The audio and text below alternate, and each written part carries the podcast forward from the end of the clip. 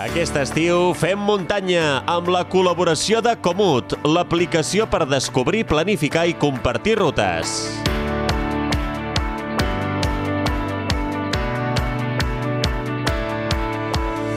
Molt bones, Fem Muntanyeros. Benvingudes i benvinguts a les edicions estiuenques del Fem Muntanya. Aquest estiu ens ha vingut molt de gust publicar capítols en un format diferent a l'habitual, amb converses amb persones relacionades amb la muntanya i amb els esports a l'aire lliure. Espero que gaudiu amb aquests podcasts.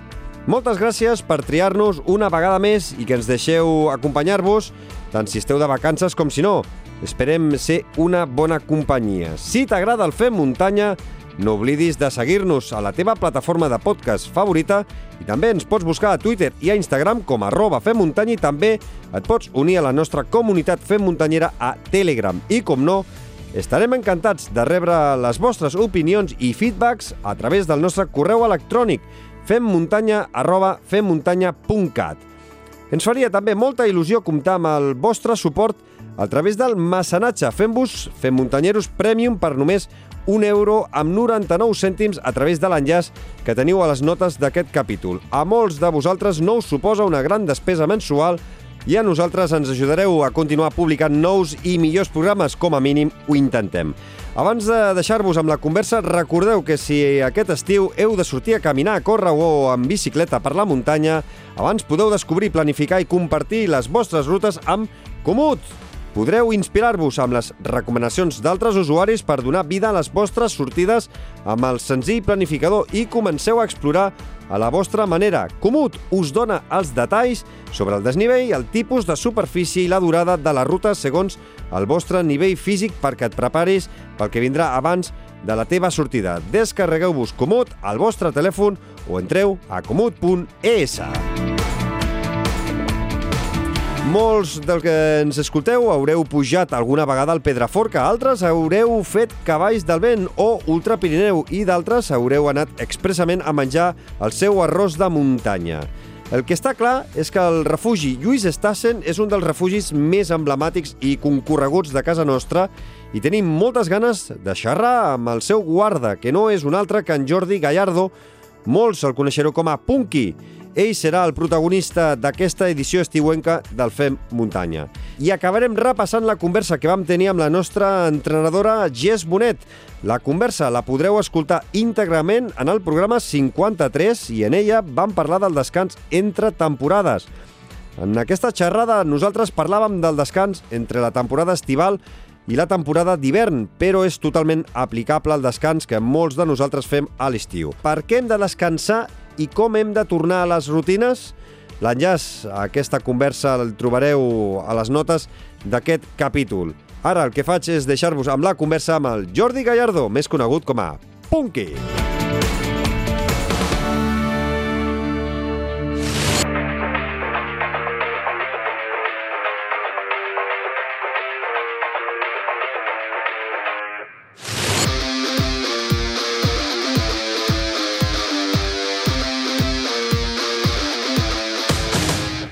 Jordi, benvingut al Fem Muntanya.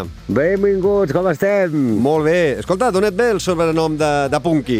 Bueno, abans, els passats, els passats, unes crestes de caldeu i, bueno, tot, tota la moguda que hi havia abans. Què ets, de Saldes o de Gòsol? No, no, jo soc de Castellví de la Marca, de les cases noves de la Riera, de l'Alpenedès. I, i, i, llavors, eh, i, i, I llavors com has anat a patar fa més de 20 anys aquí al refugi Lluís Estassen? Bueno, tot va començar fent la volta a Catalunya amb una Veu que es va comprar una moto d'aquestes d'anar per carretera i per muntanya i vam fer la volta i vam vindre a patar aquí també a visitar també amb el Joan, que el Sergi el coneixia, i hòstia, i des de llavors, doncs pues mira, ja vam fer amistat, li vam fer la llenya de tot l'hivern en quatre dies, bueno, l'home ben content i així cada any pues, jo venia aquí mica en mica i així fins que als 30 pues, em va sortir l'oportunitat. Això vol dir que rondes als 50, eh, ara? Sí, al 51. Però això no es pregunta, eh? amb confiança, home, amb confiança. Uh, escolta, i, i què és el que et crida l'atenció de, de fer-te càrrec del refugi Lluís Estassen i, i, i fer un canvi radical a, a la teva vida? Perquè suposo que deixes tot enrere per fer-te càrrec d'una nova aventura, no? Bueno, sí, eh, l'aventura d'educador social també va acabar i, vulguis o no, eh, vaig acabar una mica també fartet d'estar per allà baix i, hòstia, i al sortir aquí també a venir cada any, passava aquí les vacances, bueno, el mes que tenia vacances venia aquí, penjava les claus del cotxe i fins a l'altre mes no tornava a conduir i aquí fent llenya i tranquil·let i anar fent. Uh -huh. I llavors, clar, pues, arriba un moment, pues, hòstia, va sortir l'oportunitat i, pues, vinga, som-hi, i aquí estic ja fa 21 anys. Uh -huh. I, I actualment vius tot l'any a, al refugi? No, uh, vaig viure al refugi del 2000 al 2008, íntegre allò, el que era primavera, estiu, tardor, hivern. Però passa que 2008, clar, vulguis o no, parelles, i vinc aquí, vinc allà, i llavors, clar, s'ha de buscar alguna més perquè, si no, et quedes sol un altre cop. I llavors, bueno, doncs mira, ara estem passant aquí el que és uh, des de Setmana Santa fins al Pont de Maig, després els caps de setmana oberts i després ja de juny fins al 26 de setembre hi som cada dia i després a partir d'aquí eh, ja fas el que és entre setmana tancat i obres només els dissabtes. No, i a l'hivern no teniu ja eh, tancat? A l'hivern obro els caps de setmana. Eh... Entre setmana estem tancats i a l'hivern Jordi, eh, com que tenim problemes eh, avui amb la, amb la connexió, escolta, estàs eh, aquí al refugi ara mateix eh, doncs, eh, i la cobertura va i ve i ho tenim complicat, eh, passem al mètode tradicional, que aquest eh, a vegades no falla tant. Eh, et preguntava, qui, de què t'encarregues normalment al, al refugi, eh, tant dins del refugi com a fora? Dintre del refugi, organització, que no falti de res, que tinguis tot controlat, compres, avituallament, i també atenció al client, bueno, i a part d'això, pues, anar arreglant tot el que es va detallant del refugi també mica en mica, o sigui, tot un manteniment que sempre s'està fent, no? Mm. I a l'exterior igual, a l'exterior ens passa el mateix, has d'anar pues, polint-ho tot, i anar arreglant el que et trobes per aquí, arbres caiguts, bueno, eh, vas fent, eh, això ho tens tot sempre controlat. També us encarregueu, en aquest cas també t'encarregues tu de, per exemple, jo què sé, d'arreglar els camins més propers al refugi, la, la, la senyalització, les marques, o això no, tu, no t'encarregues tu? No, això, això és el parc natural. Ahà. Això s'encarrega el parc natural que el Moixeró. Mm -hmm. Uh, i, I quan el refugi està obert i tu hi ets a dins, quanta gent eh, hi treballa i també hi viu durant eh, doncs, l'època estival, per exemple? Mira, per ara només som tres només som tres treballant i ja està. Mm. I anar fent. Mm -hmm. I, i, i, amb, i, I amb això tireu, quanta gent, clar, quanta gent podeu eh, albergar en, en època alta, quan el, el, és, i quan el, el refugi està al, al, al màxim, quanta gent hi pot 30, dormir? 30, 32 places. Déu, Déu, Déu-n'hi-do déu nhi Sí, sí, però bueno, tampoc és tant. Abans hi havia el refugi 80 places i a vegades sí que es liaven uns follons de caldeu i llavors, clar, havia de ser molta més gent perquè vulguis o no, clar, si de cop tens 30 o 40 ja no és el mateix que tindre 30 només. I llavors, clar, si més tens 30 ja, ja veus tu, això són dos, tres hores de feina i fora. Mm -hmm. ah, ah. Vull dir, la qüestió és organitzar-t'ho bé. No sé si tens molt, molt, molt clar o no, eh? però ah, potser ara t'ho pregunto i potser em tiro a la piscina. Tens una miqueta clara la història de, del refugi Lluís Estassen? Quan, com, com va néixer l'any 1949? Bueno, aviam, eh, tingues en compte que el nom que porta aquest refugi d'aquest senyor, a l'altre dia vindrà el seu fill, que té 79 anys. I que el, conec, que, que el conegui que viu a la Pobla de Lillet. Sí, sí, sí, sí. Pues va vindre fa dues setmanes i va fer el pedra ell sol i va tornar a baixar i oh! Però bé, molt bé, molt bé, molt bé i segurament d'aquí un mes, quan sigui el seu aniversari, ho muntarem un aniversari per ell. Mm -hmm. I... El refugi, perquè clar, vulguis o no, el 48, quan va vindre el seu pare a inaugurar el refugi, va ser quan, ah, el 47, quan va vindre a inaugurar el refugi, li va agafar un infart i es va quedar aquí, saps? Uh, això va ser una mala sort, però bueno, va, va ser el destí d'aquella persona, mira. Mm -hmm. I vulguis o no, clar, aquell home havia portat molt a Catalunya. Havia portat des de l'esquí, perquè clar, aquí no hi havia d'esquí, no tenia ningú ni idea, ni de, ni de piulet, ni, i veia l'home com escalava per aquí, escalava per allà i feia els seus pitons i les seves ancles per poder, poder baixar amb els ràpels com podia d'aquelles anelles, clar, és que era tot un altre món. I aquell home que va, aquell home va voltar món, va voltar món per l'època que era, i llavors, clar, perquè voltar món, però l'home va portar aquí moltes coneixences.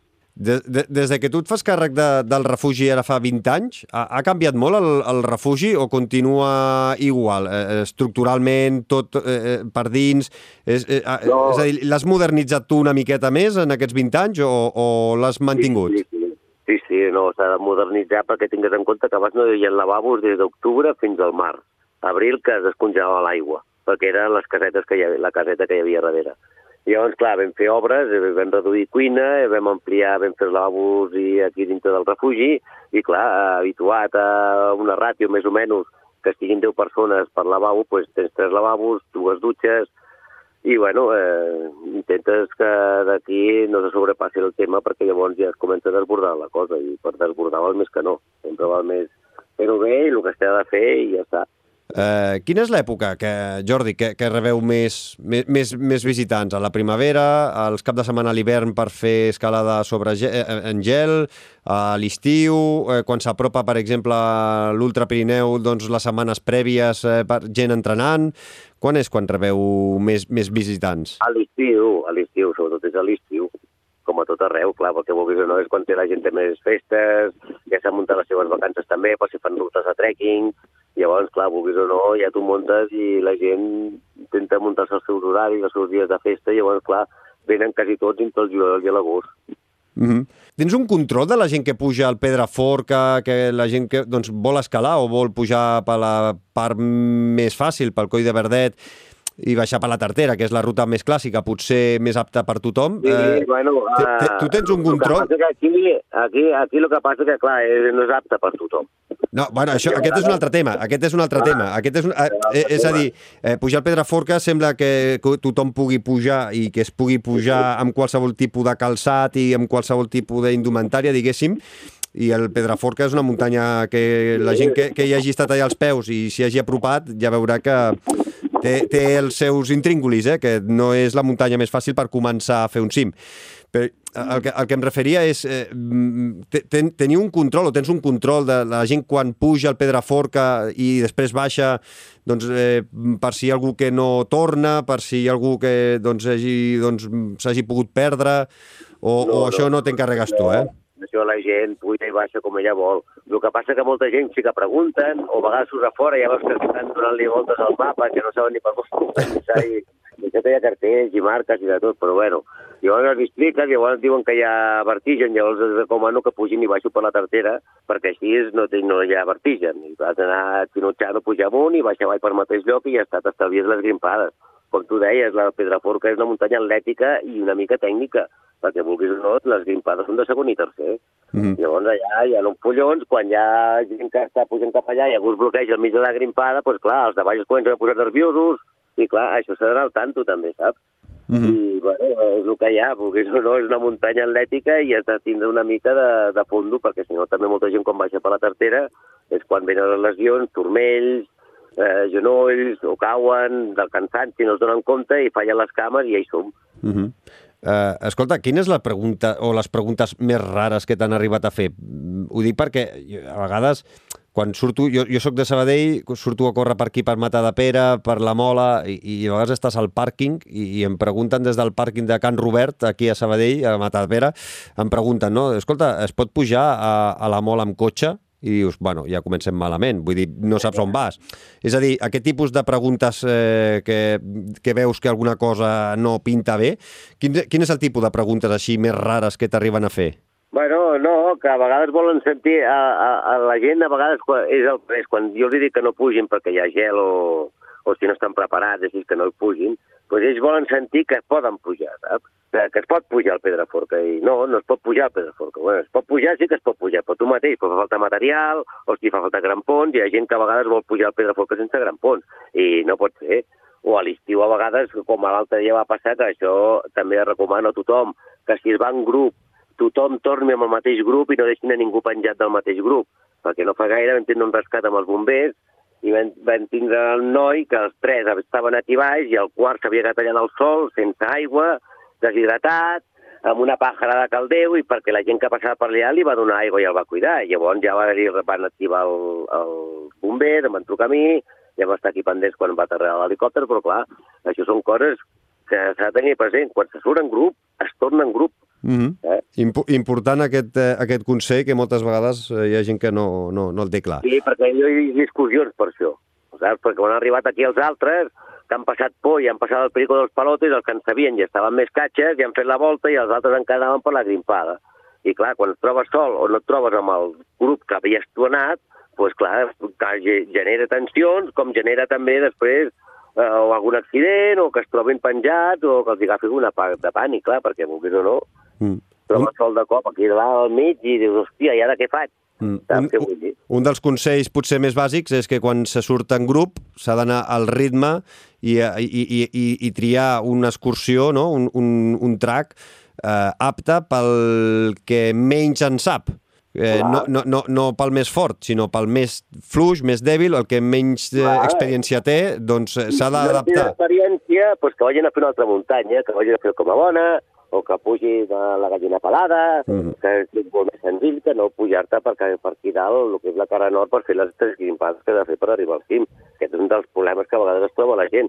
Però bueno, l'altre gran problema és que no estan en forma la majoria i quan baixa la tartera és aquí quan llepa la gent. Sí, que, que a vegades ens Eh, pensem que l'excursió s'acaba quan arribes a, a, al cim, eh, quan arribes a dalt del Pedraforca i, i després et queda tota la baixada, que són gairebé 900, eh, 950 Doncs, negatius. I, I, després arribar fins aquí al refugi, clar. És que, vulguis o no, és una bona pallissa. sí, sí. Però molta gent que acaba rebentada i dius, pues, colló, haver vingut a dormir, te'n lleves el d'hora ben d'hora al matí, a les 6 esmorzes, a les 6 i mitja surts i a les, a les 12 a la 1 ja estàs aquí. Mhm. Clar. I després vas davall tranquil, però no allò fot la pallissa, aixecar-te ben d'hora i després per, per la forca i després baixar i després tornar cap a casa, pues la penya s'ho pensa dues vegades. Diuen, hòstia, això s'ha de fer diferent. Mm -hmm. Clar.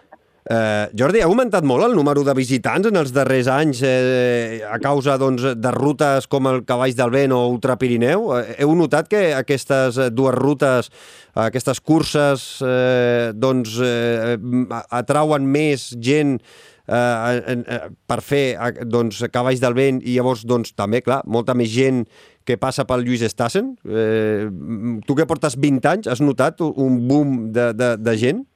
Però és que aquí saps el que passa? Que com també estem aquí al costat, llavors, clar, la gent puja i baixa, no es queda. Uh -huh. I llavors, clar, eh, aquí és quan a vegades allò que dius, pues, bueno, pues, hòstia, si hi ha tanta gent que puja, clar, vulguis o no, a vegades en dia uns pitotes aquí dalt al pedra perquè puja tot Déu. I pues s'ajunten tot Déu en un dia, i llavors, clar, què vols fer-hi, no? Però aquí el refugi, ja et dic, és com sempre. No pensis que hi ha gaire molta més gent. S'ajunta la gent de, no, que vol pujar al Pedraforca amb la gent que, que només està de pas per, per, per Sí. fer un refrigeri ràpid i continuar la, la, la ruta. Mm, Sí, sí, sí, sí. Bueno, i uns altres que també es queden, eh? Molts, molts que també venen aquí, surten des d'aquí per començar a cavall de vent, o, bueno, Mhm. les rutes que fan, et truquen i si tens lloc, pues, els agafes. Mm I ja està, que sempre en tens, pues endavant. I, i, I ha canviat molt la forma de pujar al Pedraforca en els darrers anys? És a dir, abans eh, es tenia molt més respecte, potser, i abans es pujava més de forma alpinística, doncs amb més botes de muntanya, amb aquelles motxilles una mica més grans, molt més preparats, eh, més excursió més, més, mi, millor preparada, i ara es puja molt més lleuger, és a dir, l'efecte trail running ha fet de que ens pensem que tots podem pujar al Pedraforca amb un bidonet d'aigua i, i amb pantalons curts i, i, i bambes de, de trail? És a dir, tothom... Veu, veus que hi ha, cada cop hi ha més gent eh, pujant al Pedraforca així i que veus que no tothom pot pujar així? Bueno, però els que van així, eh, més o menys ja estan mig en forma, i aquests no em preocupen. A mi els que em preocupen els que van igual la calça curta i màniga curta, que els motonetos són molt macos i tot el que tu vulguis, però porten les bambetes. Unes bambetes d'aquelles de sola llisa, i llavors, clar, un snack d'aquelles tan maques, no sé què, és dir, que és que destrossareu les bambes, no sé per què porteu aquestes bambes per fer vinyes de pedra forca, si és que és de, de, de, de, de, són. No tenen ni, ni dibuix. Saps què vull dir? Tenen un dibuixet. Això per, per allà baix està molt bé, Collserola o aquí o allà, però, hòstia, aquí el Pedraforca, venir així, no. Llavors el que sempre dic, com bota de mitja alta, i, bueno, pues que no vinguis amb balba sola llisa, perquè vulguis o no, molta roca ja està molt subada de pujar tanta gent també. I rellisca més, i no és el mateix, una cosa que rellisqui i una cosa que no rellisqui, Mm -hmm. saps?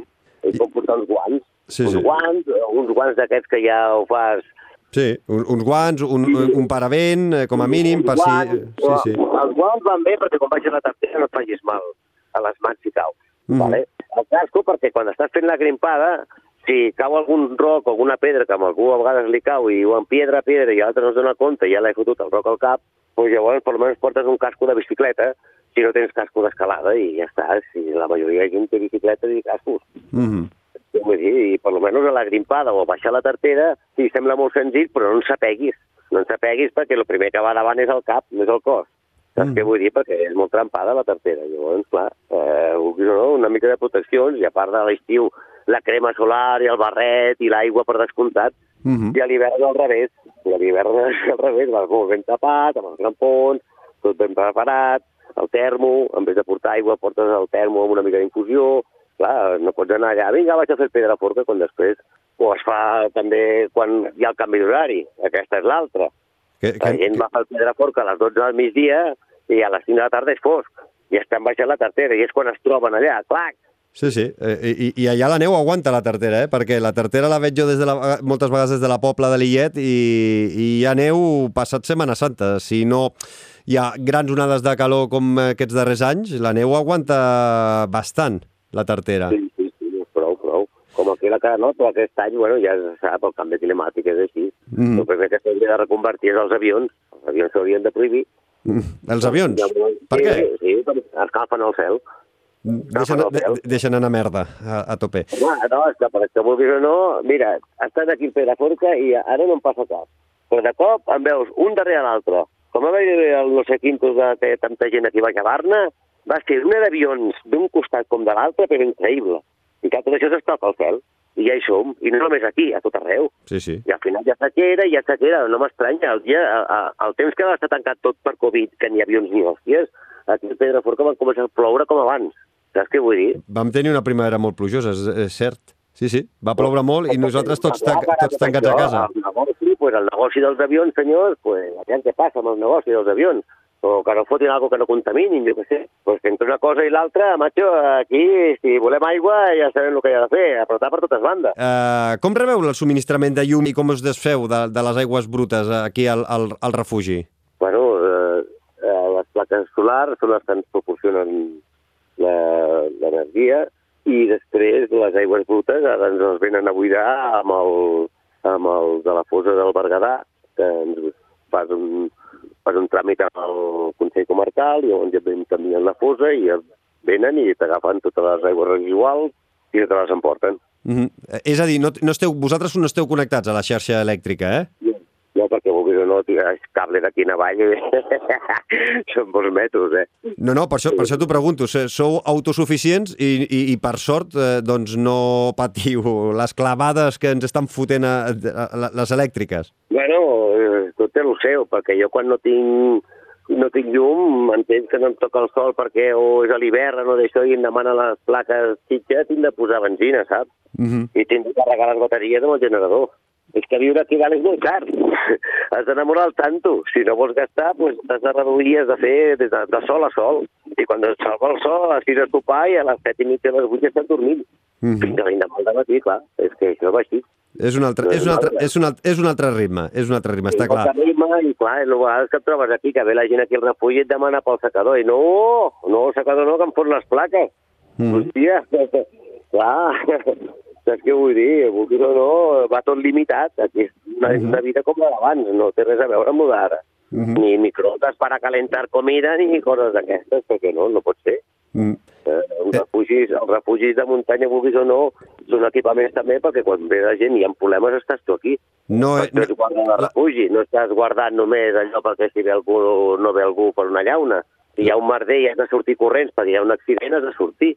Mm. -hmm. què vull dir? I Mhm. si ha passat alguna cosa, pues has d'anar i si ha, quan la gent se'ls fa fosc i ens truquen els bombers i vaig cap allà a la tartera a buscar-los perquè s'està fent fosc i no arribaran aquí i es fotran mal encara, pues has de sortir corrents a buscar-los i tornar-los cap aquí, vine, va, i ja hi som. Saps què vull dir? Llavors, clar, és tot el tema aquest que has d'estar a totes, sempre.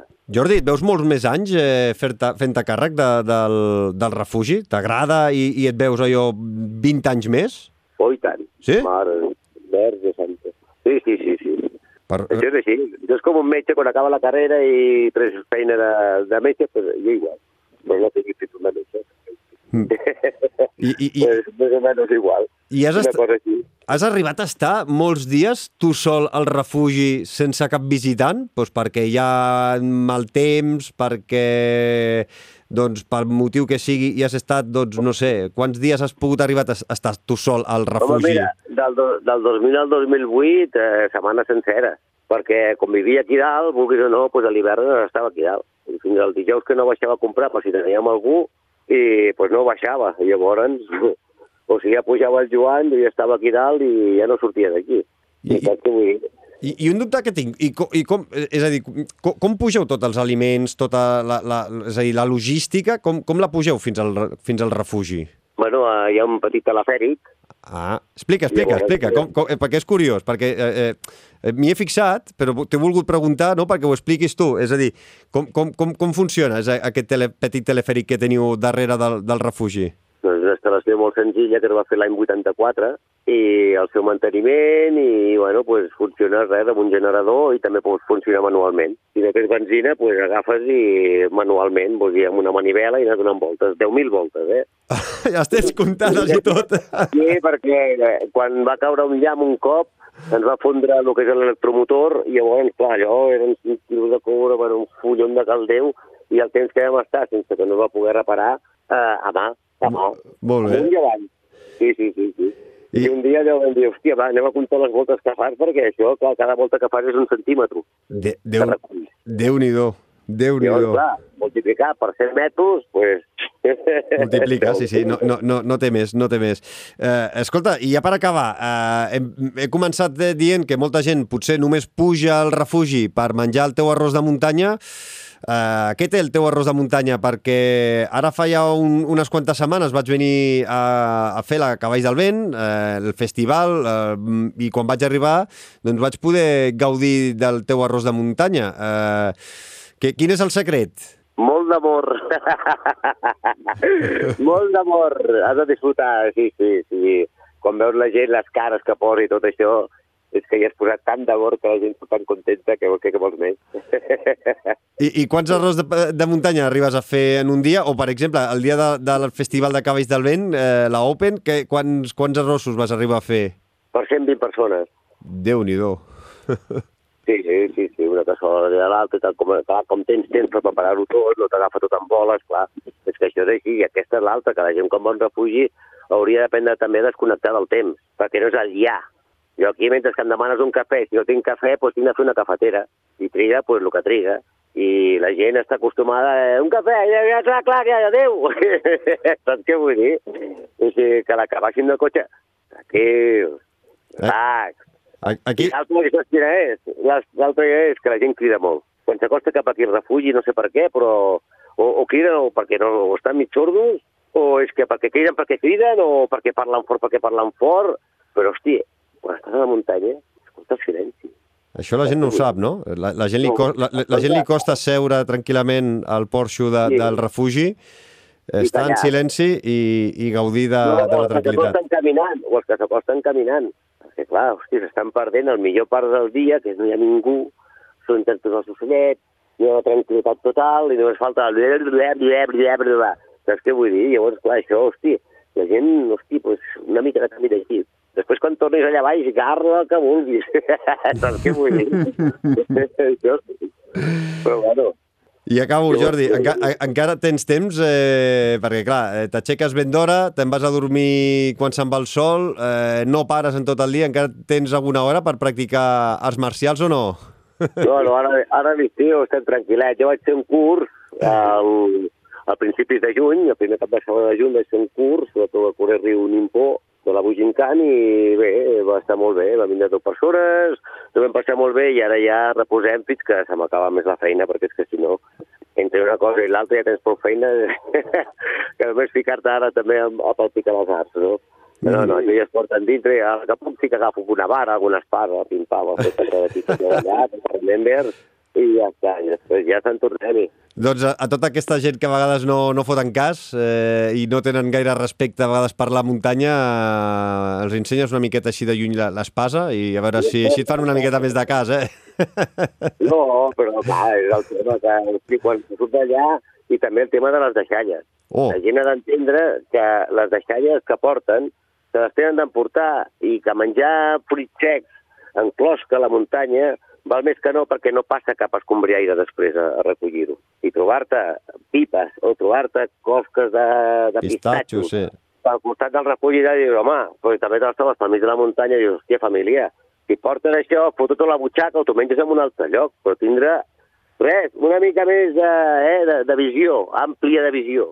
Eh? una visió àmplia. I després les pells de plàtan, les pells de mandarina, les closques de, clar, les ja closques de les nous... Ja, ja, ja es podriran i triguen 3 anys o 4 anys a podrir-se i, clar, ja estan. I, bueno, va com va, però, bueno, hosti, tothom ha d'anar posant el seu granet de sorra. Mínimament jo crec que també la gent ja comença a veure que no pot ser. Mm. Que, oh, hi ha merda que no n'hi ha. Hòstia, que bé, algú l'ha netejada, no? Doncs pues clar, això és una col·laboració entre tots i, i que d'això es preval les nostres generacions, perquè si no, hòstia, què faran els que venen darrere? Sí, sí. Si no hi fotem a tots ara aquí, hòstia, això ha de ser tota una cosa conjunta de tota la societat, eh, que es gaudeix de la muntanya o del mar, com d'aquí o d'allà, protegir l'espai.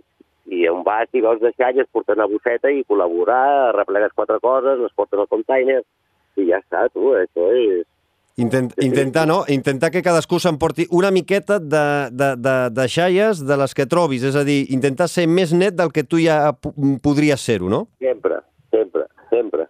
És una, és una bona forma de, de, de tenir les muntanyes sempre netes, que a vegades et trobes, et trobes eh, segons quin, quin, quina, quina merda, mai millor dit, per mig de la muntanya i no sé, a vegades ens pensem que, que algú vindrà a recollir-ho sempre eh, I, i, i, i, i... que no escombrialls a la muntanya. mm -hmm.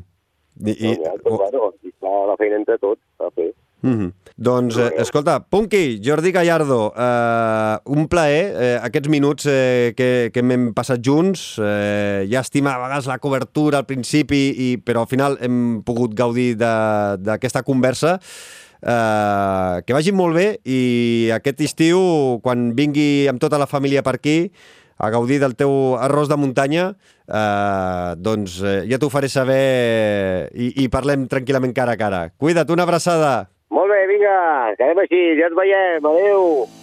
Aquest estiu fem muntanya amb la col·laboració de Comut, l'aplicació per descobrir, planificar i compartir rutes.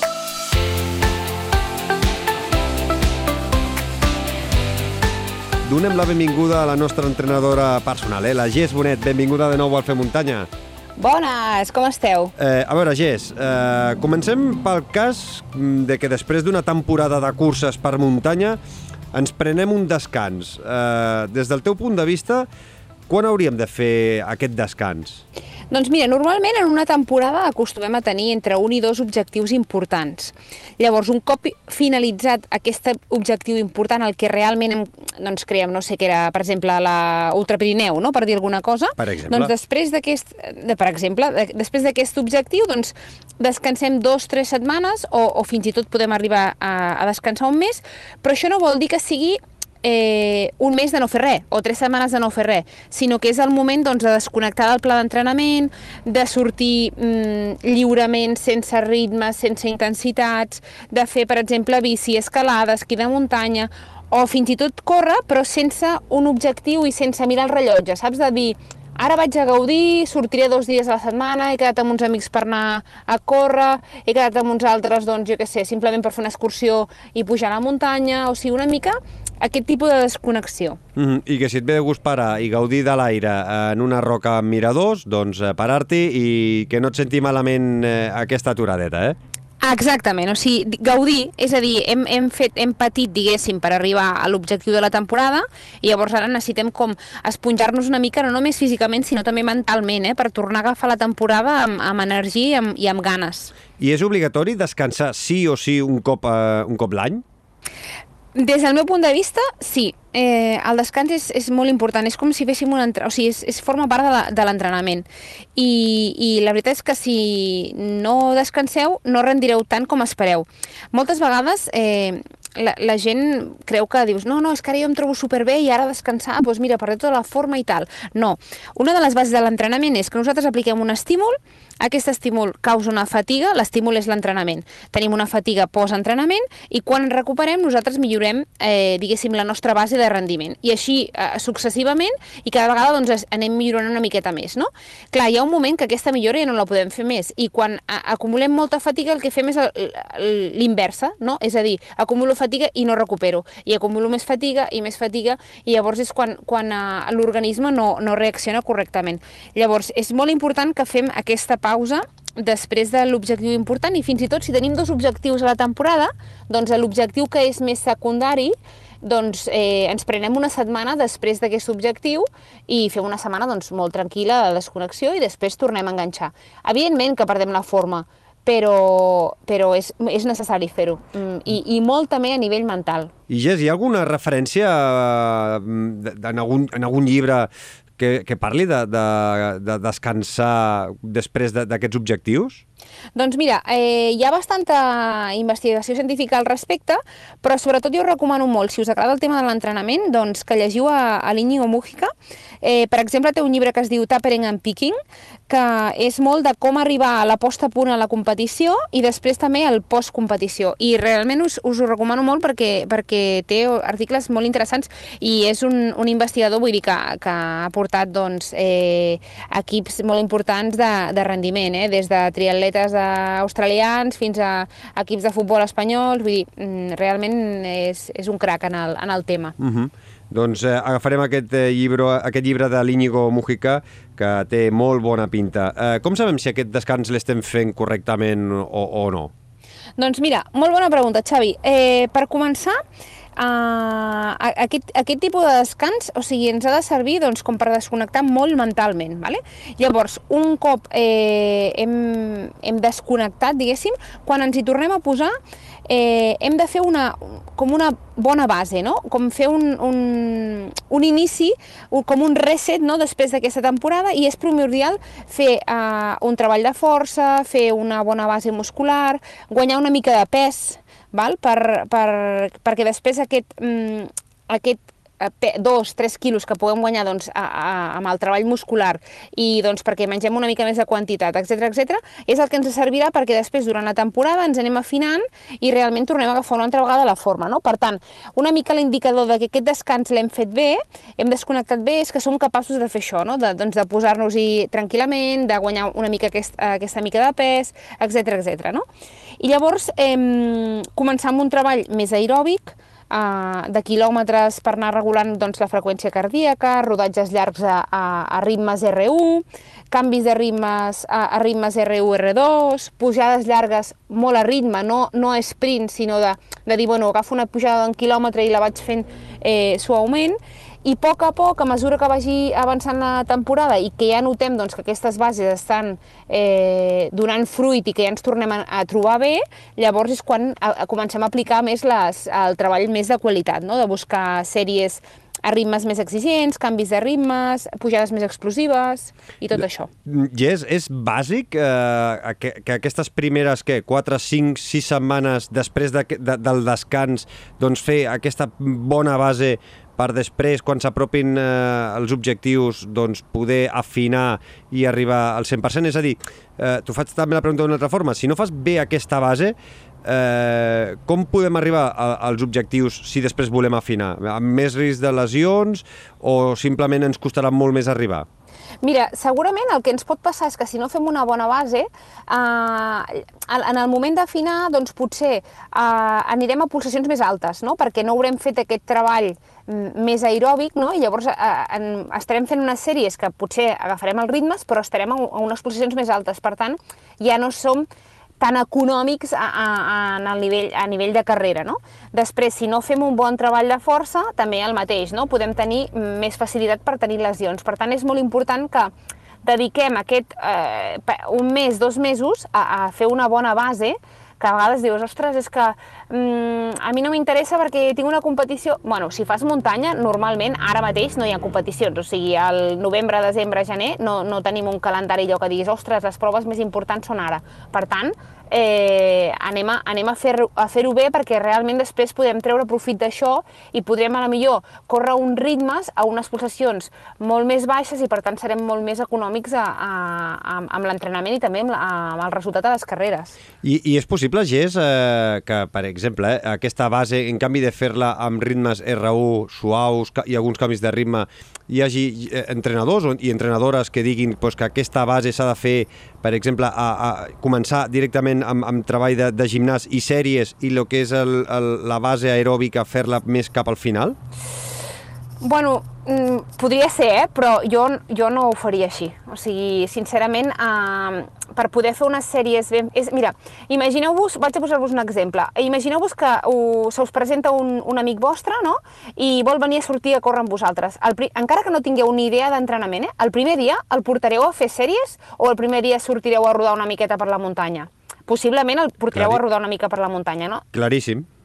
La resposta és claríssima. Doncs és el mateix. Mm -hmm. Doncs és el mateix. Si jo començo de, de, de base, diguéssim, he d'ampliar aquesta base. Vinc de fer una, un esforç molt important perquè he preparat a la millor una, una carrera, no? una ultra Pirineu no? de 100 quilòmetres, i ara el que necessito és que tots els mesos previs eh, he de desconnectar una mica i per tant començo una altra vegada molt suau perquè m'ho demana el cos i perquè m'ho demana el cap perquè si jo començo directament amb sèries la, la...